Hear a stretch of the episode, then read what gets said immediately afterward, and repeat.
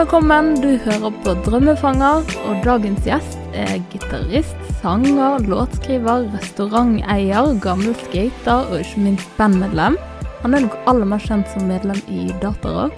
Hjertelig velkommen, Fredrik Saurea. Kult navn, forresten. Tusen takk. Ja.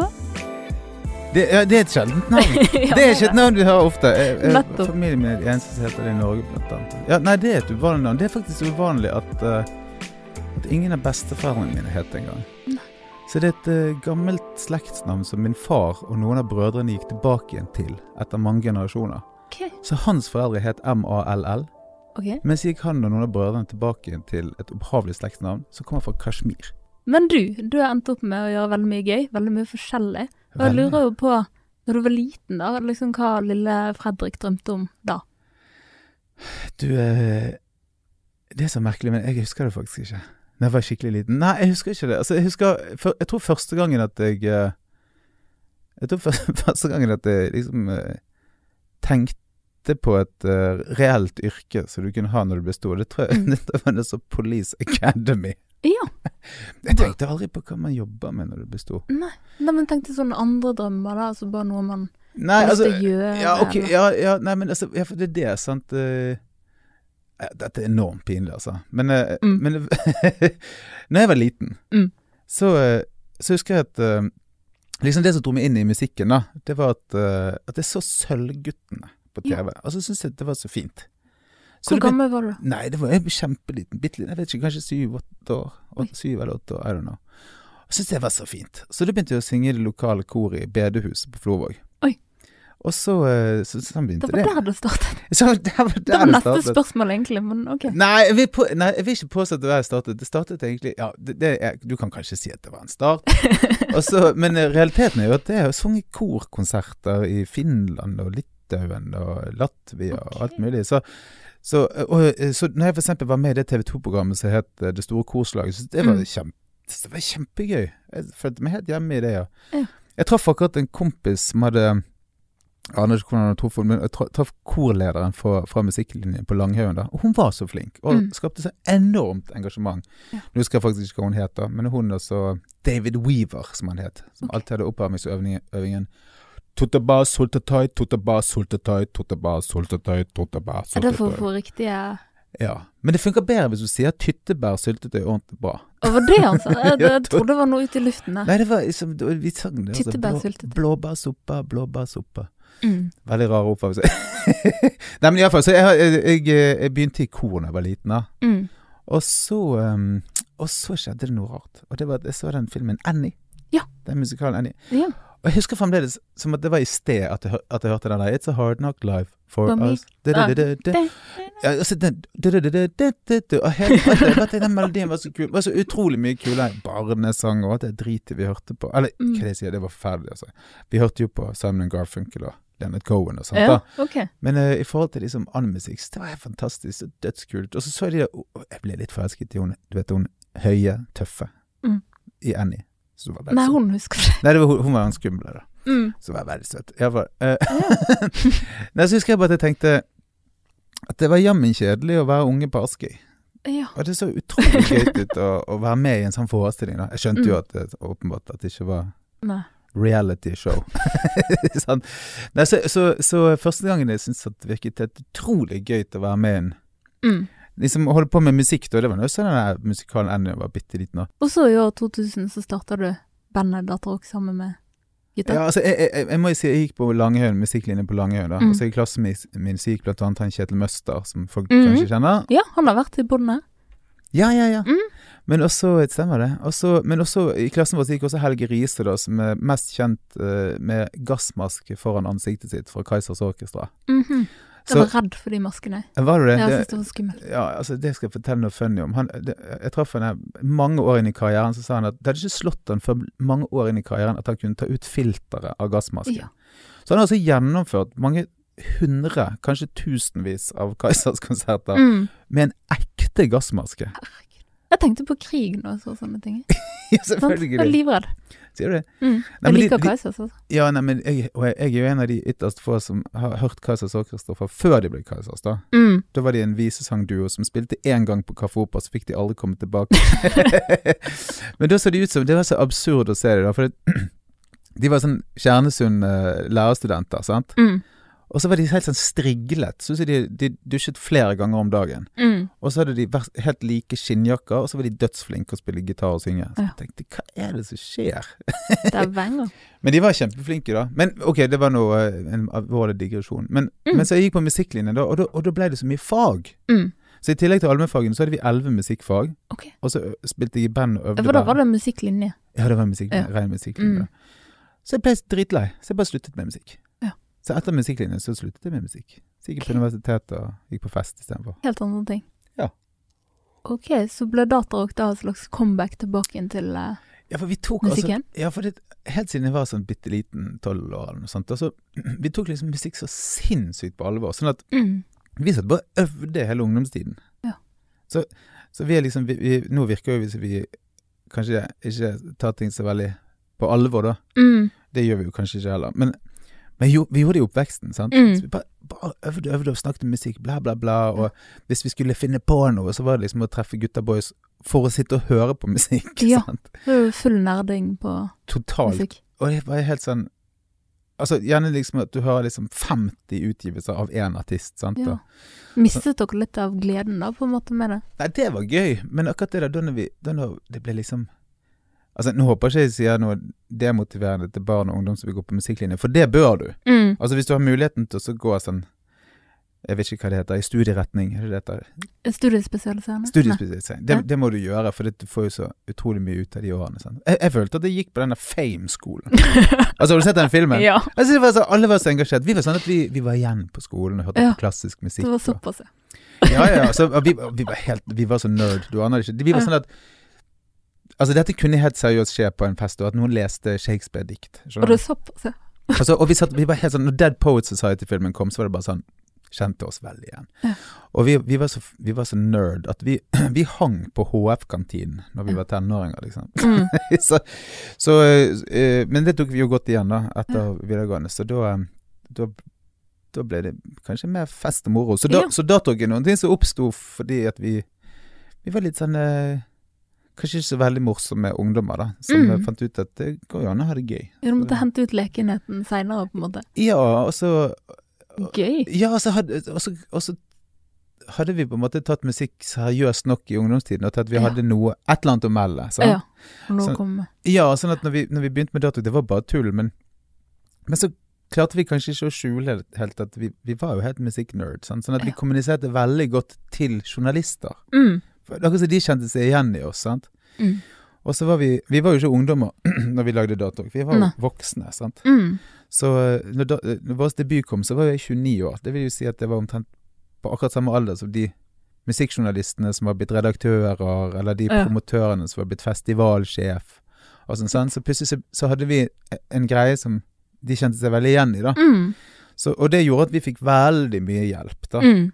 Så for eksempel en gang så spilte vi i Washington, og da skrev altså Mm. Washington Post en anmeldelse av konserten vår der de brukte ordet 'genial', blant annet. Sant? I Washington. Post. Ja, det er ikke noe gøy. Nei, det er jo helt sinnssykt. Men det er jo så enkelt som at vi spilte i Washington Det året der så var vi mange og 30 år, og Mm. han som skrev den anmeldelsen, han, han var da eh, ja, forresten, beklager, dette er sånn intervjuer med meg foregår, og det blir helt enormt langsomt.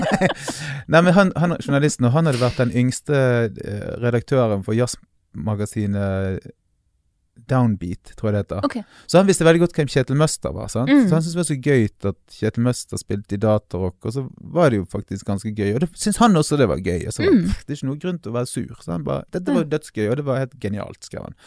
Så, det, så, så det liksom, liksom Jeg tror jeg litt, var litt hemmeligheten til datarock, da, at, um, at vi kommuniserte kjempegodt med journalistene. Mm. Så det var mye drahjelp i starten, liksom, fra mediene. Ja, for når vi var på scenen, så var vi helt crazy, men når vi var av scenen, så merket de at vi var bare dritkjedelige. sant? Mm. Så, Nevn at dere virkelig kunne musikk, da. Ja, og så når vi reiste, så var vi akkurat som vi var Vi var fire på scenen pluss fire av scenen. Så vi var akkurat vi var åtte som Mm. reiste, sant. Mm. For vi var så utrolig ulike. Sånn at de fire på scenen, de kommuniserte kjempebra. Mm. Og heldigvis så de fire som vi egentlig var, kommuniserte også kjempebra. Så, Ja. Så det var en sånn eh, Ja, det var 36 land, det, som vi Mm. spilte i. Og det var jo Fantastisk. ikke bare av musikken, det er jo av at du får venner, da. Mm. At folk hjelper deg, sant. Blir det et eller annet der med at man ofte, eller du tør ikke å gå utenfor linjene før du på en måte er veldig trygg på det du allerede gjør, da? At det var derfor dere liksom kunne Ja. go crazy? ja, det, ja, ja, altså, og det er jo vis, bare visse typer crazy vi har turt å gå, sant. Så for Mm. eksempel ehm, eh, Det er veldig sjelden at vi har turt å være veldig alvorlige, da, for eksempel. Ja. Så for eksempel når det har skjedd liksom vanskelige og triste ting og sånn, så har vi jo ikke tatt det med i musikken og sånn, sant. Så vi liksom Vi ble veldig komfortable med den der gøy og fest og moro og sånt. Men, og den, Mm. den festen det er jo begrenset hvor ufattelig mange ganger du kan, du kan gjenta det, da. Ja.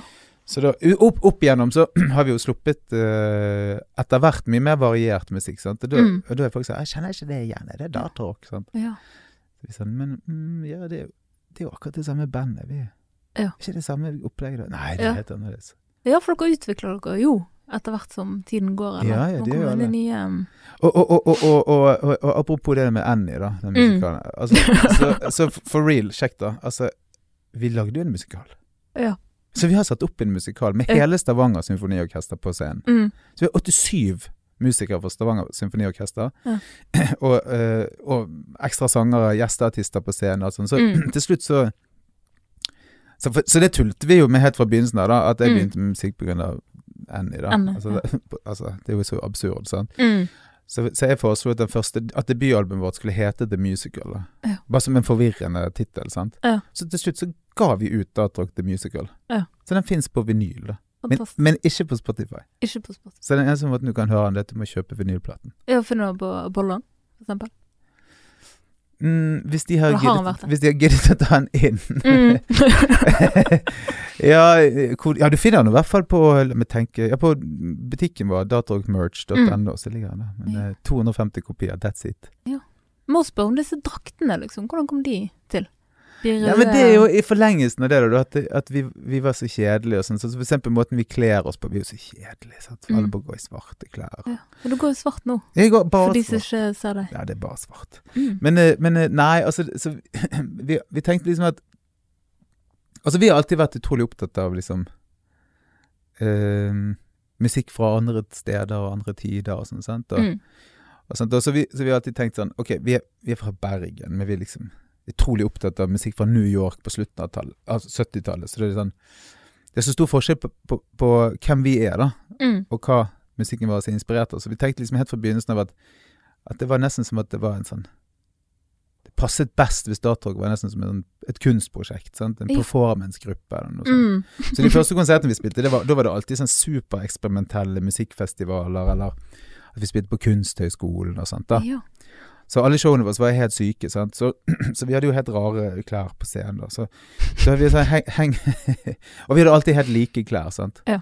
En- gang så hadde vi til og med et Vi latet som at vi hadde et oppvarmingsband fra Island. Latet som. Ja, så var det bare oss, da, med andre klær. Sant? så, uh, så ja. Nei, men så vi hadde liksom forskjellige uh, antrekk på scenen, da. Men det er faktisk, har ikke vi funnet på sjøl. Jeg mener, se black metal-band. Jeg mener, Ja. De går jo ikke akkurat kledd sånn som de gjør på scenen ellers. Nei. Så, så vi kommer jo fra en by der folk er vant til å kle seg ut på scenen, da. For å si det sånn. Nei, men også var vi veldig opptatt av noen sånne konseptband da fra Mm. 70-tallet. Blant annet de som Devo, og de som Talking Heads, og noen som het Residence, og i Norge Turboneger, som var nyere da, selvfølgelig. mm. Men, sant, så, så vi har liksom forskjellige kostymer. Og da tenkte vi, I begynnelsen så hadde vi sånn hvite klær. da Så han ene i bandet Mm. han stjal sånne hvite sykehusbukser fra jobben. da OK. Jobbet han på sykehus? Ja, ja. Ja. Han er i koret, da. Eh, Og så lagde vi hvite T-skjorter med en sånn veldig påfallende Datorg-logo. Mm. Og så hadde vi noen sånne rare solbriller som var finske vernebriller som så ut som en kopi av Carrera Porsche-brillene fra 70-tallet, som for øvrig kostet en formue. Mm. Og så Yoko Ono fremdeles bruker. Så, så jeg, jeg syns det, er så fascinerende at Fred Olsen og Yoko Ono, som er så jævlig rik, de bruker fremdeles de der rare brillene fra 70-tallet. Det må Mm. være noe unikt med de. De vil jeg ha. ja. Og så var de så psycho dyr, da. Det, det, det, det fins ett par til salgs brukt i Norge, da. Jeg tror det koster 7000. Så i fall så, men så oppdaget vi at Klass Olsen de førte et produkt som het Hockeyplast fra Finland. Og de lagde noen Ok. helt eh, ganske stygge eh, vernebriller, da. Så lignet veldig på de der dritdyre brillene. Og så kostet de seg 14 kroner eller noe sånt. Så jeg bare tok Mhm. kontakt med Hockeyplast i Finland Finland, så, solgte, så sendte de med 400 par. Sant? Så iallfall så, så, i fall så vi hadde like briller, og så hadde vi de der hvitklærne. Mm. Og så tenkte vi sånn Åh, så kom det flere og flere sånne kunstete indie-band som skulle liksom være litt sånn 70-talls performance. Og de hadde også hvite klær. Vi, vi har ikke noe til felles med de folkene. De har ingen Mm. humor. Mm. Så da fant ut at det som jeg hadde lyst til å gjøre med Datarock da hadde jeg hadde lyst, For vi lagde jo ganske nerdete musikk, sant. Så Mm. jeg, jeg hadde lyst til å, å liksom vri helt på imaget, da. Så ville det se ut som at vi var sinnssykt at- atletisk og macho. Ja, Så, så, okay. så da tenkte jeg liksom det mest machoe det kunne være, og mest sånn venende imaget. Så, for- det syns jeg var veldig vittig, da. Mm. Vi, var vi var jo psycho loser, sant. Så, og, så, og, så, eh, og, så, og så tenkte jeg på OK, Malboro sitt Formel 1-lag Mm. med, med han Schumacher. Sant? De vant, Ja. de knuste alle i alle Formel 1-løp. sant? Ja. Så tenkte Nå jeg på- litt utenfor min uh, Oi, for, Formel 1 det er jo liksom sinnssyk, sinnssyke biler, sant. Og, mm. og eh, så, så fant vi ut at vi ville ha sånn Formel 1-image. Ja. Men det vi fant ut da, det var at sånne Formel 1-drakter Mm. Uavhengig av hjelmen, så Mm. kostet bare selve drakten kostet sånn 15 000-20 000 kroner for én drakt. Er Så det det- sånn tracksuit, eller? Nei, nei, nei, altså det er jo sånn lærpolstret Sånn sånn- motorsykkelantrekk? Ja, sånn ganger ti, sant. Ja. Det er sånn at du kan, liksom, bilen kan krasje i 350 km i timen, eksplodere, rulle rundt. Og så de sjåførene de bare kommer ut som ingenting og drikker champagne. Sant? Ja. Så de der draktene de er så polstret og sånt, og så, de var så dyre. Det kunne ikke vi gjøre. Så da endte vi opp med å lage noe som vi syntes lignet på Formel 1-drakter. Men, men det endte opp med å se ut som at vi var russ. Mm. For det ble sånne røde overaller. Så helt Mm. latterlig ut. Men det reiste vi altså rundt med, og Mm. spilte blant annet på hovedscenen på Sonarfestivalen i Barcelona. Og vi endte opp på forsiden av den største avisen i, i Spania. Samme dagen som Bjørk spilte. Mm. Så, så det, det var så påfallende med den røde fargen. Da. Ja. Det er noe alle husker datarock for. Ja, jeg vet, men vi så, vi- så lenge hadde vi de her stygge overallene, som vi for øvrig av og til tar på oss på scenen bare på gøy, for de er så ugly. Mm. Men, men så var det det at Norrøna, Mm. de skulle ha en lanseringsfest i Oslo eh, for et nytt merke som de skulle lansere seg, et Whiteout. Mm. Og de, var, de som hadde laget det, de var like gamle som oss og hadde sånn tilsvarende dårlig humor. Så de hadde laget en sånn teamdrakt som var helt sinnssykt Mm. uh, Skulle være stygg med vilje, da. Ja. Som en sånn 70-talls treningsdrakt. Mm. Så alle de der proffe uh, kjørerne, da, det var, det var ikke snowboard, det var liksom twin tip og carving og sånt. da. Og så iallfall så gikk de rundt i noen sånn jævlig ugly treningsdrakter, så de spurte om, om vi kunne vurdert å gjort ekstranummer vårt i. Og vi bare Vi er jo ingen skam, så vi bare ja, ja, whatever. Det er bare dere som er. Så vi, så vi tok på oss de der ugly treningsdraktene deres, da, Mm. til ekstranummeret. Og så fikk vi bare beholde de, selvfølgelig Mm. så syns vi at de var, de var jo komfortable. Ja. Og de så jo liksom påkostet og ordentlig ut. Ja. Sånn at når vi skulle lage Faff og Fa-videoen, så ringte jeg til Norrøn og så spurte om vi kunne få låne 40 eller hva det var, sånne Mm. treningsdrakter til musikkvideoen. Og så sa de ja, og så siden de var så snille, så brukte vi det også på pressebildene. Mm. Og så bare boom! Så begynte Da. de der bildene av oss å dukke opp på helsider og forsider og Altså, det var helt crazy. For det, Mm. det så så Det var så gjennomført på en måte smart bad taste. Mm. Og liksom 70-tallet på en kjemperar måte. Ja. Og det var liksom det var litt sånn, litt sånn ehm, Noen tenkte Run DMC, og noen tenkte Beast Boys noen, altså, Mm. altså De assosiertes til alt mulig, da. Eller sånne chavs i England, sånn som går i dyre treningsdrakter, og Burberry, liksom. Mm. Så, så, så det var bare fordi vi skulle lage en video med masse, masse venner i Fa-fa-fa-videoen, og de skulle ha makeklær, så da fikk vi over de treningsdraktene. Og nå har vi hatt de på oss på 1000 konserter i 36 land. Så tilfeldig. Og så fikk vi et kjempefint samarbeid med Norrøna og sånn. sant? Mm. Så det var så tilfeldig. Og det varte så lenge. Ja, for det, det som skjedde, det var at nesten uansett hvor vi kom, så, så endte vi opp med å stjele enormt mye oppmerksomhet på Ja. festivaler. og sånn, For det var så lett for fotografer å få et påfallende bilde av oss. Absolutt. Sant? Så ja. Jeg husker dere fra Operataket i Oslo for mange år siden. var du det? Ja. Ja, nei, det husker jeg kjempegodt. Ja, ja. Vi, vi spilte faktisk på åpningen av Operahuset, vi. Mm. Og, og utendørs på uh, sommeråpent. Ja, det var nok sommeråpent jeg var på. Ja, ja, ja, ja, ja, Ja. det husker jeg godt. Jeg husker jeg lurte på Jeg var helt fascinert liksom at man kunne gå, gå i det. Oi, oi, oi, er det ja. Var det første gangen? Ja. Ja, det, ja. ja det, det var ganske seint. Det var Mm. 2011. Mm. Hvorfor husker jeg ting? Jeg husker altfor godt. ja, det er helt utrolig. Hvis man tenker 36 land. Ja, eh, det, det at det er. Operataket du husker, Ja, liksom. nei, nei, nei det, det, det, er- er forferdelig. Jeg husker alt. Mm. Jeg skjønner ikke hvorfor. Jeg, jeg husker eksempel ikke fødselsdagen til helt ærlig talt noen. Jeg husker Nei. nesten ikke min egen fødselsdag. Nei. Jeg husker ikke hvem ja, Nei, jeg skal ikke si hvem jeg ikke Det er veldig mye jeg ikke husker, men jeg husker så ufattelig detaljrikt. Liksom Fra- ting fra tusen konserter. Mm. Det er helt absurd. Men kanskje det er fordi at det er jo emosjonelt eh, Hvis noe har gjort inntrykk, så husker du det bedre. sant? At du har Ja, følt dårlig. på så mye eh, kanskje på disse konsertene. Ja, altså Hva kanskje du skal huske hva du ikke skal gjenta neste gang. Mm. Hva er ditt aller beste minne med Datarock? da? Nei, det, det er også et sånn pinlig øyeblikk, da. Det var Nei, vi, vi, vi, vi hadde vært på en turné i Australia, så skulle vi videre på en turné i USA. Og da, da hadde Reisefeber her i Bergen De hadde ordnet en sånn utrolig smart flybillett, da, der vi kunne ta en uke på Fiji på Mm. vei til USA. Ja, det sier man jo ikke nei til. Nei, det er jo superstemning. Så, det, så, så det var Da husker jeg at um, halve bandet de, Av en eller annen grunn så ville ikke de være med meg og Kjetil Møster ut på en sånn resort. Ok, Så de, de var akkurat som de var Hvem sier sånn nei til resort? jeg- altså, det er helt sykt. Så de, eh, så de jeg har fremdeles ikke forstått hvorfor de valgte å være der. Men det var akkurat som de, de ville heller være på en sånn skamshabby stripmall-aktig motell. Eller sånn jeg husker det. Jeg, vet, jeg vet ikke hvorfor de ble værende der. Men iallfall meg og Kjetil Møster, vi var ute på en sånn Altså sånn helt sånn paradisresort på Mm. Fiji. Og så, eh, og så kom anmeldelsen i Bergens Tidende for Red-platen vår, da. Ja. Og så var det terningkast seks. Og jeg bare husker det. Wow, what? Jeg ble så glad. Jeg tror aldri jeg har vært så glad for noe sånn tilbakemelding på en konsert. Hvorfor akkurat denne?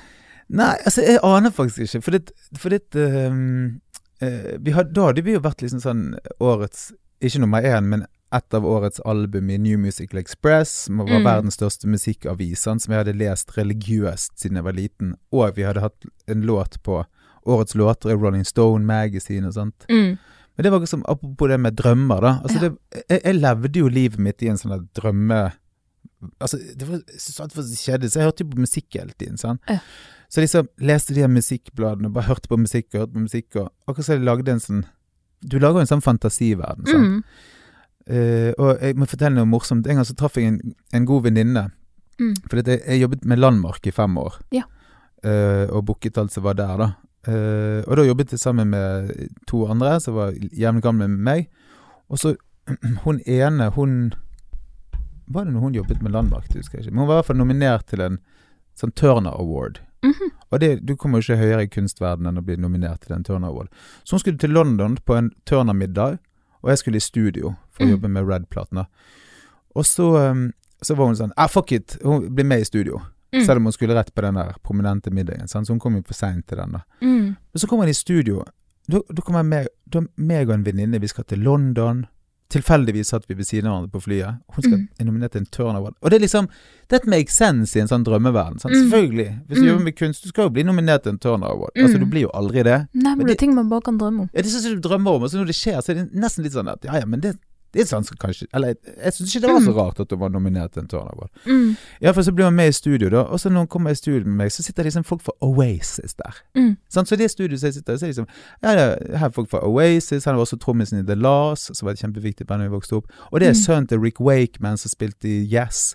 Mm. Så bare sånn så, Det er så utrolig absurd. Du, Ja. liksom, du, dette er jo sånne legender fra en annen planet. Ja, liksom. klarer du å ta det inn, da? Når du Ja, men det er et eller annet med at i de eh, situasjonene? Det er et eller annet med, med data og sånn, liksom, Det er akkurat som du bare kommer inn i en sånn litt sånn fantasiverden. Sånn, Så, mm.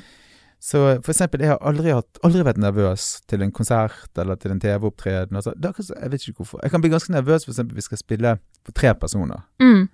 Jeg synes det er forferdelig å spille for eksempel i en begravelse. Sånn. Ja, klart. Men hvis jeg spiller for 25 000 folk, merker jeg ingenting. Nei. Det er ikke som å spille for ingen. I min verden er det helt sinnssykt. Nei, altså, jeg er helt absurd. Jeg kan, få liksom, jeg kan bli dritstresset av ting, men jeg blir bare ikke stresset av sånne musikkting. Hvorfor tror du det? Er det fordi at du er så trygg? Nei, jeg aner ikke. Det er fordi det er akkurat som en fantasiverden. Sant? Ja. Så hvis jeg for eksempel hvis jeg kommer til Mexico City eller Buenos Aires eller whatever, da så er det bare sånn Akkurat som jeg er der eller jeg er ikke Altså det, det er en sånn fantasiliv. Ja. Så, så, mens, mens det å få en terningkast seks i Bergens Tidende, Ja. hjemme i den byen som du kjøper dagligvaren din i, Mm. det er bare så sinnssykt real. Og det er så, det er så koselig. Sant? Ja. Og så vet du liksom Å, mamma leser det, og hun skjønner Mm. at det er kult. Sant? Men mamma, hva faen bryr hun seg om hva som står i NME, liksom? Sant? så det var, det, var, sånn, det, var, det var fantastisk. ja. Herlighet. Men hvordan er det når ting ikke går som planlagt, da? Med tanke på å bli nervøs og sånne ting. Jeg går ut fra at på et eller annet tidspunkt så må noe ha skjært seg. Eh, nei, det har det ikke. Aldri. Nei. Nei det, nei, eh, nei, det er det som er så rart. Ikke på én konsert glemt én setning, Jo, men det linje, driter jeg altså. Du driter i det? Ja. Ja. Nei, men det der har jeg prøvd å forklare til folk eh, mange ganger, da. Det er sikkert umulig å forstå. Men når, når du står på en scene, selv om det er 25 000 folk der, så blir det, blir det blir bare til en masse. Mm. Og så med de solbrillene så er det ingen som blir lei seg for at de ikke får øyekontakt med deg. Sant? Så Mm. jeg, jeg har aldri øyekontakt med noen. Ne. Så jeg ser liksom bare inn i ingenting, på en måte. Mm. Eh, så det, så, og, og det som skjer når du står på scenen, det er at det er egentlig så er en og en halv time med, med krisehåndtering. Da. For, Ja. det, for, det, for eksempel så kan det være noe sånn som at um, det er noe galt med en pedal, eller det er noe galt med gitaren, eller Mm. det, at det er et eller annet i backing tracks som er ødelagt, eller et eller annet at det er et Mm. lys i trynet, eller at jeg hører ikke gitaren eller bassen. Skjønner du? Så det er egentlig en og en halv time bare sånn problemløsning, da. Ja. Ikke nødvendigvis noe sånn stort problem. Tror du det jeg tenker på, hvis du da opplever det foran, liksom. 25 000. Nei, nei, det gjør Så, ingenting. Det, nei, det fint, det. Men det er bare at du, at du får Du har liksom ikke tid til å bli nervøs av sakens alvor. For Nei. sånn. Nei, det er altså Jeg vet ikke det For eksempel, jeg tenkte på det når for eksempel Jo Lindmo, da. Mm. Altså, nei, Jo Lindmo med liksom uh, sinnssykt mye kamera og publikum og dritt, Mm. det er bare helt avslappet. Ja. Men hvis jeg skal holde en tale i bryllupet til min beste venn, Mm. da blir jeg dritstresset. Er det fordi det betyr mer, eller? I don't know. Nei. Er det ekte, Det, da? dette er litt interessant. Nei, men det er ekte. Sant? Alt det Ja. andre er bare tull, Mm. på en måte. Det er bare tull sammen, alt sammen. Og da er fokuset ditt nå, vil jeg tro, det er at du skal gå solo og gi ut musikk igjen. Ja, og det er jo sånn blir det, er jo- det, er jo, det er jo nervøs for, da, må jeg si. Ja, du er det? Ja, det er jo Endelig. Ja, men det er sånn øh, Det er sånn det er, Apropos det der i stedet, at liksom Sånn sånn som med datorrock. Du kan tenke deg hvis du kommer til en by på hinsiden av jorden, og så kommer du med de samme seks personene. Mm. Så det sånn, har ingenting å si hvor du er. Mm. Altså, Whatever. Jeg er med gutta boys, og vi skal akkurat det samme i dag som vi har gjort tusen ganger før. Supertrygg. Alt. Uansett hva vi gjorde. Jeg er så Mm. komfortabel. Helt likegyldig om jeg var i Tokyo eller whatever. sant? Mm. Men nå skal jeg gjøre noen ting egentlig for første gang. sant? Aleine. Det det. Og ta hele ansvaret. Og, Mm. og jeg kan liksom ikke skylde på at ah, men vi har bare en sånn crazy barnslig gruppedynamikk eller et eller annet. Mm. Whatever. Ja, nå er det du. Ja, det, og det er så pinlig. Og så er det, sånn, det er så mange pinlige aspekter. Det er for at jeg tror du hører at jeg prøver mitt beste. Mm. Mens med Datalk så høres det ut som at vi absolutt ikke prøver i det. hele? Men realiteten er at vi prøver jo et beste der også, sant? Men, det, Mm. men det kan du ikke høre. sant? Men, men for eksempel, jeg var, jeg, apropos det med å være glad for et eller annet i karrieren. Altså, jeg husker på gitareksamen på musikklinjen. da, så, Mm. så fikk jeg vite at Mats Eriksen, som da var en av verdens mest kjente metal-gitarister, han skulle jo være Mm. sensor på min gitareksamen. Jeg tenkte bare god damn, så stress. Mm. Og så fikk jeg terningkast Nei, hva de sier eh, Fem heter det. Ja. Karakteren fem. Ja, Så det var bare mulig å få én karakter bedre. Så jeg, var- jeg, var, jeg var så Jeg ble jo helt sjokkert! Jeg ble så glad. Ja. Men, eh, men det var så mange gitarister som var mye flinkere enn meg. Så jeg har aldri tenkt på meg sjøl som noe flink til å spille gitar overhodet. Men, så, men så, lik, så har jeg liksom vært litt sånn gitarnerd, da. Mm. Så jeg har aldri vært noe flink til å spille sånn metal og sånt, men sånn, ganske god til å spille rytmegitar, da. Mm. Og så, og så liker jeg å lage litt, litt sånn småknotete ting. Men Mm. det er, litt sånn, det er litt pinlig, sant? for da har du Ja. sittet sånn uh, Prøver å lage noe knotete på gitaren. Mm. Mens med Dartrock er det bare utrolig enkelt, sånn chopping, sant. Mm. Så alt fra liksom tekst, melodi og arrangement og liksom Mm. fingerstilling og alt er på en måte litt pinlig. Fordi du har gjort ditt beste. Ja, jeg har liksom gjort mitt beste, sant. Og så Så bra. Men hvorfor velger du å gjøre dette nå? Akkurat nå? Ja, Det er det jeg lurer på. ja, det kan du si. Nei, Mm. altså eh, Nei, det var jo koronaen som kom, da. Mm. Og så, eh, og så hadde jo eh, Datrok hadde sånn 15-årsjubileum i fjor, der vi skulle ha Vi skulle reise rundt og så ha 15-årsjubileum for debutalbumet vårt. Mm. Som fremdeles er jo det som vi er mest kjent for med sangen, sånn som Far, far, far-sangen. og sånn? Mm. Og så ble alt stengt ned pga. koronaen. Ja. Og da, og da var det sånn OK, hva gjør du? Du rigger til et studio. Sånn, Så plutselig så skulle ikke vi reise, så da hadde vi masse Vi har jo et eget studio, så vi kunne være i studio hele tiden hvis vi ville. sant? Og, da, Mm. Um, og så hadde alle de andre har jo fulltidsjobber, sant. Mm. Sånn at de kunne jo ikke være så mye i studio som meg, da. Mm. Så, så da uh, tenkte jeg bare Ja, men da Kanskje det er på tide å gjøre de solotingene, da. Mm. Og så hørte folk de, som var folk 'Å, det var jo kjempefint, og du må fortsette Mm. med det'. Så plutselig så har de spilt inn tolv låter. Øh, Og så Ja. Og nå er det et soloalbum. ja så nå er det soloalbum på trappene. Altså, det er jo eh, Det er jo da ganske annerledes datarock. Mm. Sant? Sånn at det er jo da Jeg har hørt på Datarock høres ut som jeg er veldig opptatt av liksom partymusikk, men jeg hører ikke på partymusikk aldri. Nei. Jeg hører nesten bare på liksom trist musikk. Mm. Så alle mine favorittartister er sånn gravalvorlige artister. Sånn. Mm. Og så du vet, eh, når du sitter alene og spiller gitaren, så blir det jo Det er liksom nat naturlig at det blir litt sånn fine Mm. og triste ting. Jeg vet ikke hvorfor. Nei, det- det Det vet jeg ikke heller, men det er jo sånn det blir. Ja, men altså, du sitter alene og liksom Du sitter ikke bare Yeah! yeah! Nei, nei. Du sitter liksom og Ja. Klimprer litt. ja. Sånn at sannheten er jo at dette, det er jo sanger som jeg har laget over lang, lang tid, da. Ja, det var det. Ja, og så er det liksom uh, samlet opp, og så uh, uh, Noen tekster har jeg liksom hatt ferdige, da, at det har vært skisser, da, så har jeg skrevet de ferdig, og så Mm. Så tenkte jeg liksom at akkurat med koronaen, når, når verden faktisk er så Når det er såpass bekmørkt, da, Mm. så, eh, så er det jo kanskje lov å kule den litt med denne festen. Mm. Da er det jo kanskje lov å lage noen ting som Eller slippe noen ting som er litt sånn Absolutt. Noe som passer tiden. Ja, og som liksom tenkte på um, hvor utrolig mange av de der tingene som passet Altså, no, som sagt, noen av tekstene hørte jeg fra før, da, men, men um, Mm. både til liksom tekstskisser eller tekstideer som passet liksom til sånne ting som venner og bekjente snakket om, og som du leser om i media og sånt. da sant? Altså, Mm. det var noe liksom Plutselig så passet det med mange forskjellige typer litt sånn Mm. triste temaer, da. Det er ikke bare trist, altså, Men litt. men litt. Det er derfor du har fått navnet Rona Diaries. Ja, sant. Mm. Så det ble liksom Det, det syns liksom det passet til denne Ja, til kor kor da. Mm. Så noen av tekstene er skrevet nå, noen er skrevet tidligere. Jeg, jeg skal fortelle, altså Vi ga jo ut ny datarockmusikk. Mm. Sant? Og da hadde vi tenkt at nå skal det bli gøy å gi ut. Nå skal vi gi ut gøy datarockmusikk igjen, for vi hadde gitt ut liksom dep Mm. deprimerende ting da de siste årene. Mm. Så skulle vi lage gøy musikk. Men så var det jo så mye alvorlig! For det var jo koronatid, sant. Mm. Så den første sangen den heter Digital Life, og den er sånn grav... Det er bare en da datarock partylåt, men det er gravalvorlig om noe som er veldig, veldig, veldig veldig farlig Mm. i vår tid. Og, det, og det er jo manipulasjon. Sant? Altså på en måte digital manipulasjon av Mm. holdninger og meninger. Sant? Så, det, så det skjedde. Og så sang nummer to het TikTok, og den Altså Det er jo latterlig sikkert at en bergensartist skriver en sang som handler om at amerikanerne må velge, men i USA så likte de sangen veldig godt. da Mm. så den het TikTok fordi at klokken tikker ned, dere må sørge for å stemme på Biden. det var Mm. det sangen handlet om. da. Tiden nå ut. Ja, men, det, men, det, men en annen ting som teksten handlet om, det, var jo blant annet den Black Lives Matters-bevegelsen. Som, Mm. som, eh, som helt ufattelig effektivt kommuniserte til barn og ungdom også. Mm. For det er så, det er så mye tunge temaer som barn og ungdom ikke orker å forholde seg til. Sant? Mm. Så til og med mine barn de trosset eh, retningslinjene for eh, altså koronaretningslinjene og gikk Mm. i demonstrasjonstog i Bergen. Da. Ja. Det, det var så utrolig positivt. Det var et fantastisk oppmøte, Ja, og det var, tross alt. ja, og det var tusenvis av byer i hele verden som stilte opp. da. Mm. Uh, så den tematikken har jo også kommet seg inn i den soloplaten. da. Mm. Men så heldigvis så nå den siste Datrock-singelen, den heter Video Store, og den er jo på en måte bare gøy, da. Ja.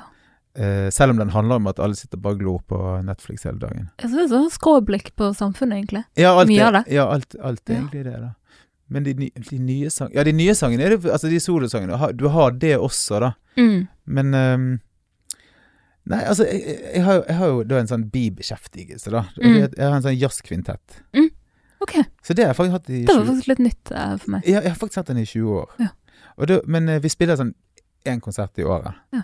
Og, det, og da eh, Det vi gjør da, det er at Det er egentlig et tributeband. Mm. der jeg synger ikke låter av en artist, men en artist sine tolkninger av, Av? standardlåter. Okay.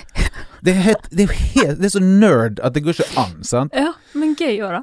Ja da, og, så, og det, det er liksom Det er sånn at Det er sånn at eh, det, det er jo Det var frivillig i utgangspunktet, men nå har jeg glemt at det er sånn, da. At, eh, Mm. at, det, at det er hermet sånn etter måten Chet Baker Mm. synger, da. At, uh, at det liksom Noen ganger så er det så spot on at folk sier ah, det, var, 'Det var som å høre Chet Baker', liksom. Ja. Det, og det er jo en rar ting å Ja. å drive med. sant? Men iallfall Og Chet Baker så han har vært enormt opptatt av. da. Mm. Så bare husker jeg for eksempel en av de siste. Etter, kanskje det siste intervjuet han gjorde før han døde, det var i Norge, da.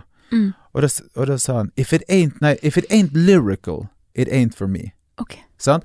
Og, og litt sånn er det jo med musikk for meg, da. Altså, jeg elsker Chet Baker som, selvfølgelig som trompetist, men som sanger, da. Og jeg elsker liksom uh, en artist som heter Scott Walker, som også sånn Det er utrolig flott og vakkert, og noen ganger pompøst og stort, altså. Men mest av alt så er det Det er bare så utrolig fint. Mm. Men uten at det blir bare en sånn klisjé, da. Altså, altså det, det, det, er det er så fint at det er tro, rett og slett. Sant? Ja. Så noen av sangene på den nye solplaten, det er altså at jeg prøver å lage så fint som jeg klarer å Ja. lage det. Det er gøy at du sier.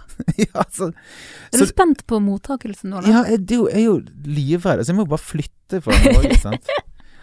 Og så, eh, og så gjør det jo ikke enkelt for meg sjøl, for det, nå, nå, jeg skal jo slippe den i mai. Ja. Release i mai. Det blir release i mai, og eh, Konsert? Ja, det blir konsert. eh, altså det, det som jeg kommer til å bruke som pressebilde, det er tatt rett over gaten for her vi sitter nå, da. Mm. Og det er absolutt ikke bestilt av meg. Nei. Det, det er et bilde som eh, Hans Jørgen Brun, mesterfotografen i Bergen, som for øvrig snart skal ha en, eh, en utstilling på Bryggemuseet, da må alle gå dit. mm.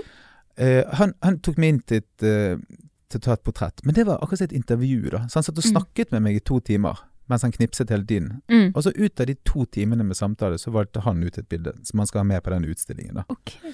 Og det kommer jeg til å bruke som pressebilde til, til denne platen. Og det er altså så sinnssykt gravalvorlig. Ja. Men det jeg tenker på nå, det er liksom For jeg har lagt merke til det virker som du har veldig mange lidenskaper. Du har gjort levebrød av et par av dem. Mm. Bare det er jo imponerende nok. Sant? Og du har restaurant og drevet med musikk og skating og fotball. Men så lurer jeg liksom på, ser du noe rød tråd i alt dette? Hvorfor, hvorfor har det blitt akkurat de tingene, på en måte? Ja, det, så alle tingene er jo vanvittig sosiale, for Mm. eksempel. Men um, Altså, jeg, var- for eksempel, jeg, jeg, jeg har alltid unngått sånne ting som Altså, jeg spilte jo fotball, men det var jo bare kompisene våre som vi Mm. vokste opp med i gaten, liksom. Ja. Så det blir jo annerledes, da. Men uh, jeg har aldri vært opptatt av Jeg har for eksempel ikke vært med i Speideren. Jeg, ikke- jeg var med i det koret, da. Ja. Det blir annerledes. Jeg vet ikke hvorfor. Visse, visse, visse sånne sosiale ting jeg er ikke spesielt opptatt av. Men, men uh, alle, alle tingene er jo Akkurat som det er veldig, det er veldig sosialt for litt rare folk. sant? Mm. Så for eksempel um, uh, det, det å lage en restaurant, da, det blir jo en, Vi var noen kompiser, sant. Mm. Som, det var akkurat som å lage en plate. Det var som å være et band, på en måte. Mm. da. Og så vil jo du liksom Du vil jo lage noe som folk skal Også de skal komme på konsert. Sant? Du vil jo Mm. at folk skal komme på konserten. Ja. Sant? Så du, det er gøy å lage liksom markedsføringsplan og liksom Mm. hvordan du skal gi eierskap til folk og, og sånt. da. Mm. Så, så for eksempel, det, det å lage lysverket og hoggorm, det syns jeg minner, minner jo på en måte litt om, om, Ja. om den bandgreien, da. Ja. Så, og jeg er, jo, jeg er jo like opptatt av alt det liksom visuelle og innpakning, emballasje Mm. og formidlingen, da, som selve musikken, sant. Mm. Så, samme som her, så er jeg veldig opptatt av maten, og, og, og selvfølgelig opplevelsen av maten og det, men like opptatt av liksom alt rundt maten, og sånn, hvem Mm. er råvareprodusenten, og hva representerer det for bergenshistorien, og Mm.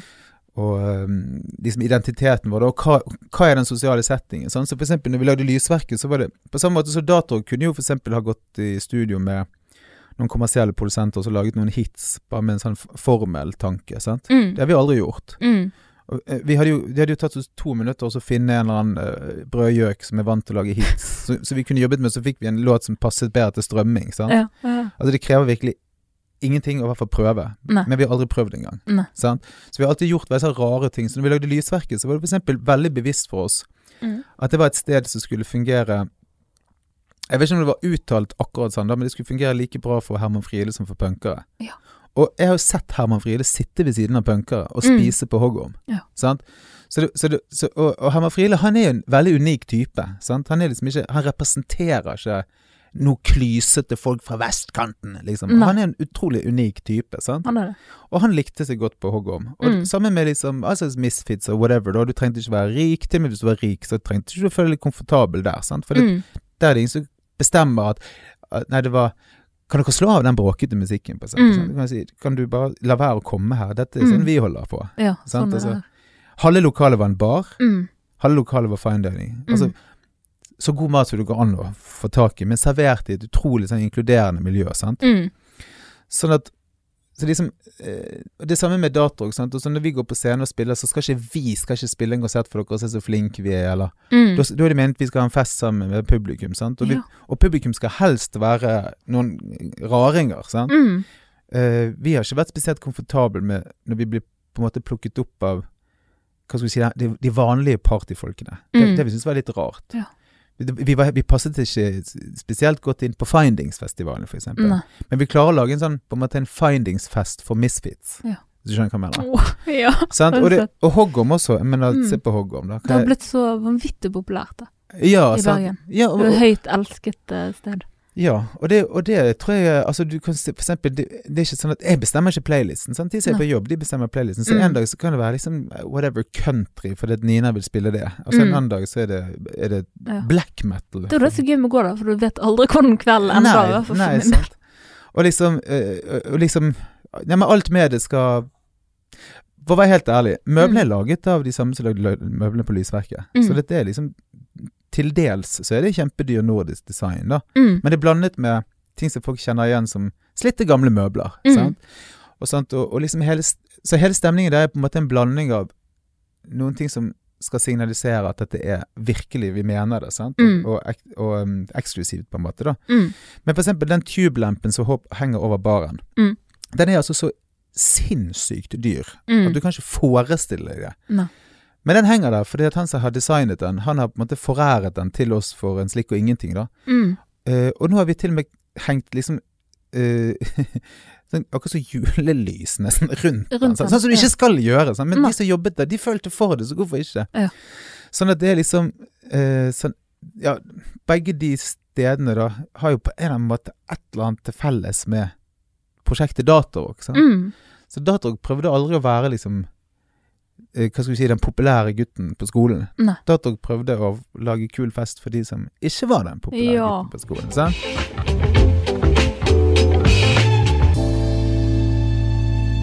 Og det bringer meg egentlig videre, for jeg har ventet på gjesten som liksom har en sånn lidenskap for Bergen by. da. Oi, ok. Og jeg føler at du har det. Ja, ja, ja. Så jeg har laget en liten Bergen-spesial. Vi har aldri hatt det her før. Mhm. Men uh, det er noen spørsmål om, uh, om eh, Bergen, liksom hva du vil bruke den til, da. Hva du føler mangler her, kanskje. ja, ok. Så det første er liksom, hva liker du best med Bergen? Som by. Eh, ja, nei, altså Det er jo så mye. Hva skal, hva skal jeg si som er best? Altså, jeg opplever det som en sånn mulighetenes by, da. Mm. Altså, det, det er en sånn uh, Det har jeg jo fått, til min store skuffelse på en måte på vegne av verdens befolkning, forstått at det er veldig unikt for Bergen. da At folk er Folk er uh, utrolig samarbeidsvillige og klar for å dele nettverk og kompetanse og Mm. og uh, fritid og sine egne penger, liksom. Altså, folk, Mm. folk er utrolig mm, eh, Ja, det er en sånn vanvittig sånn samarbeidsvilje her, da. Ja. Altså, altså virkelig. Eller så lagånd. Ja, og så tror jeg at eh, altså, Det er også en sånn by der folk glemmer ikke en tjeneste, sant. Eller? Altså, så, så folk altså, Du aner ikke hvor kule folk er på å stille opp og hjelpe til. Altså, det, og det vet jeg at det er unikt, da. Mm. Så jeg ble for eksempel veldig overrasket når vi kom til Oslo og vi skjønte at den utrolig smale delen av uh, musikkmiljøet øh, som, som vi traff på, da, at de var liksom til dels fiender. da. Mm. Så, så liksom vi tenkte ja, de, de må nå være en gjeng. Det var Mm. sånn, de var helt delt, da. Ja. Mens her, og for alt jeg vet, så er det kanskje til dels sånn her også, men her har det vært sånn Altså, folk er bare så utrolig greie mot hverandre, da. Ja.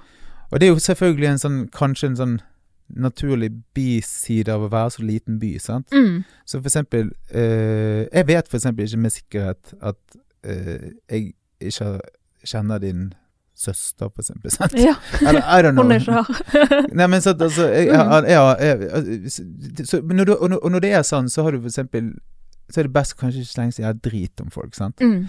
Ja, Og- byen er altfor liten til det. Ja, eller, eller, eller liksom hvis du, hvis du ikke liker et band, så kan du for eksempel si um, Si sånn Ja, et god trommis.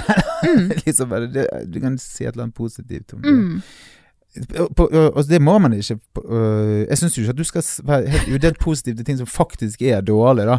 Så jeg, jeg er liksom ikke en sånn skikkelig glad løk, da. Nei. Men, øh, men jeg, jeg, jeg opplever det som en by der folk prøver også å se muligheter og sånt. Ja. Og det er jo um, Ja, det er liksom Du har forutsetningene for det, da. Du har Mm. nok regn og innetid, og akkurat liten nok størrelse. Og så har du jo altså, du har sinnssyke ressurser. Mm. Altså, det er helt, det er helt uforståelig. Jeg oppdager hele tiden nye helt sånn Helt sånne syke ressurser. Som er Mm. Altså, nå, nå, nå så jeg akkurat at en, at en kompis av oss har laget den offisielle eh, Oscar-illustrasjonen. Den, den nye fargerike Oscar-illustrasjonen som er Oi. til årets Oscar. da Hvem er det? Om jeg... det er store Magnus. Magnus Wold Mathisen. Aha. Som var med å lage Grand People, som ble til Anti, da. Mm. Som vant Lions i Cannes for design for, for, for festspillene. sant? Men han, MVM, da, han gjør masse illustrasjoner for New Yorker. sant da? Mm. Men, og han har riktignok flyttet til Drammen. Aha. Stakkars uh, uh, han, for at han Mm. forlot oss. Men Mm. det måtte han da. Han er jeg vet ikke, han er vel fra Østlandet. Men iallfall um, så, så du har sånne så, uh, Altså til, til og med fra eh, altså utdanningen i Bergen, da, med Mm. visuell kommunikasjon og, og, og, og Ja, UiB og KIB. Ja, altså Fakultet for kunstmusikk, design og Ja. Og også, også eh, Jeg vet jo at det er mange sånn ufaglærte, superdyktige folk i Bergen. sant? Så det er ikke Mm. bare utdanningsinstitusjonene. Men du har jo eksempel eh, Wizz som leverer all TV-grafikken på både CNN og Fox. Mm. Kanskje litt leit at de har Fox, men det er jo Mm. imponerende. Absolutt. Og så har de vel også Al Arabia og sånn, sant? Ja, det er Mirese, tror jeg. er det, er det Mirese? Det er Mirese, ja, for. Mirese har også Weather Channel. Sant? Mm. Og, altså, det er bare sånn Det er en sånn ressurser som ikke til å fatte og begripe. Og det der er jo noen ting som er sporbart. Sant? Det er, Mm. Ok, kanskje du kan si at det var for et Altså, eh, det lå en motivasjon kanskje i eh, Eller en tro på ting fra Grand Prix ble arrangert i Bergen internasjonalt i 1986. Så fikk Mhm. du konsesjon i 91, og da hadde ikke du fagfolk her som som uh, kunne fylle de rollene, sånn at da måtte de finne løsninger. Det, det var ikke forsteinede gamle rutiner for alt, så de fant faktisk nye løsninger. Sant? Og Mhm. ut av det så vokste Storm Geo og Vistati og det som ble til Kamikaze via Ja, det var vel Myrese og Gosu og Nei, nei Kamikaze ble 60, sånn var det. Litt usikker på det. Men iallfall, nå er det noe sånn så Altså, det er en haug med sånne virkelig sånne altså, selskap, selskaper i Bergen som utmerker seg internasjonalt innenfor TV-teknologi. Mm. Mm. Altså går? Ja, I en sånn liten by. Jo, det er jo samarbeid, da. Mm. Uh, og uh, jeg må jo fortelle en funny ting, da. Og det var at han som gjorde um, teknikken da til mitt lokalradioprogram da jeg var liten, og det var en som het um, Frode Nei, nå klarte jeg faen meg å glemme Frode Jeg husker Frode Frode, Frode Nei, nå har jeg glemt hva han het! Det var forferdelig, nå fikk jeg dårlig samvittighet. Frode Langhelle. Frode Langhelle. Og han, han øh, gikk jo da For han var veldig ung, så jeg var bare 12 år, så han kanskje vært mer enn 14-15 år. Sant? Men han var så nerd da, at han eh, lærte seg sånn amerikansk radiokompresjon. Så det var han som oppfant på en måte den kommersielle radiolyden i Norge. Det var det, ja. Og så etterpå så var det han som oppfant uh, den kommersielle radio... Nei, TV-lyden til TV 2. Ok. Og det handler jo om veldig teknisk kompresjon av lyd. sant? Mm. Så det, det, det, han var liksom en, en viktig aktør for alt vi har hørt da på TV 2 da, siden konsesjonen. Gøy. Det Nå visste er han en veldig ung mann. Ikke sant? Bjørn Mirese fikk jo begynne å jobbe i TV 2 når han var 15 år. eller sånt. sant? Mm. Sånn, at, sånn at det er en sånn, en sånn mulighetenes by, da. Mm. Uh, Gøy at du sier det. ja, bo, med både fasiliteter og ikke sant Vi må jo nevne BI og NHH også. Mm.